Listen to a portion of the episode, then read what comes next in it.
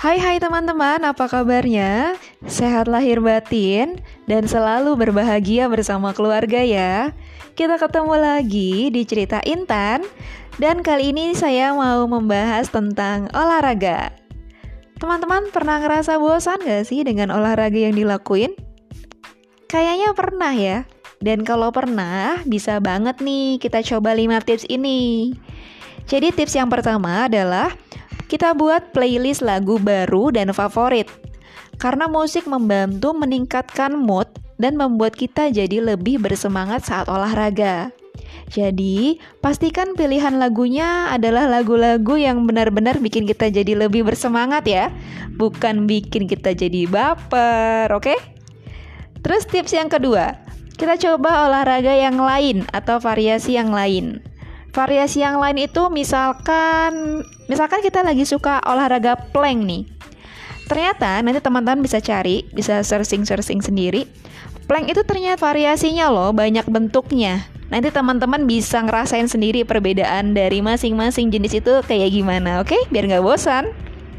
Terus yang ketiga, kita bisa ajak teman kita karena akan banyak hal seru yang bisa kita lakuin kalau kita punya teman buat diajak olahraga bareng.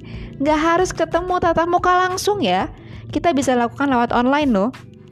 Misal kita bisa bikin kayak challenge gitu atau bisa bikin kayak lomba gitu.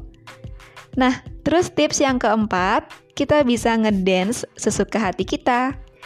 Jadi, kita bisa putar musik di rumah yang agak keras Terus kita joget-joget deh tuh, sekalian buat bakar kalori. Bakar kalori ya, bukan bakar lemak. Kalau bakar lemak caranya beda lagi guys. Terus tips yang terakhir, tips yang kelima, kita buat diri kita jadi lebih tertantang. Misalkan kayak gini, kita lagi suka olahraga sepeda atau olahraga lari.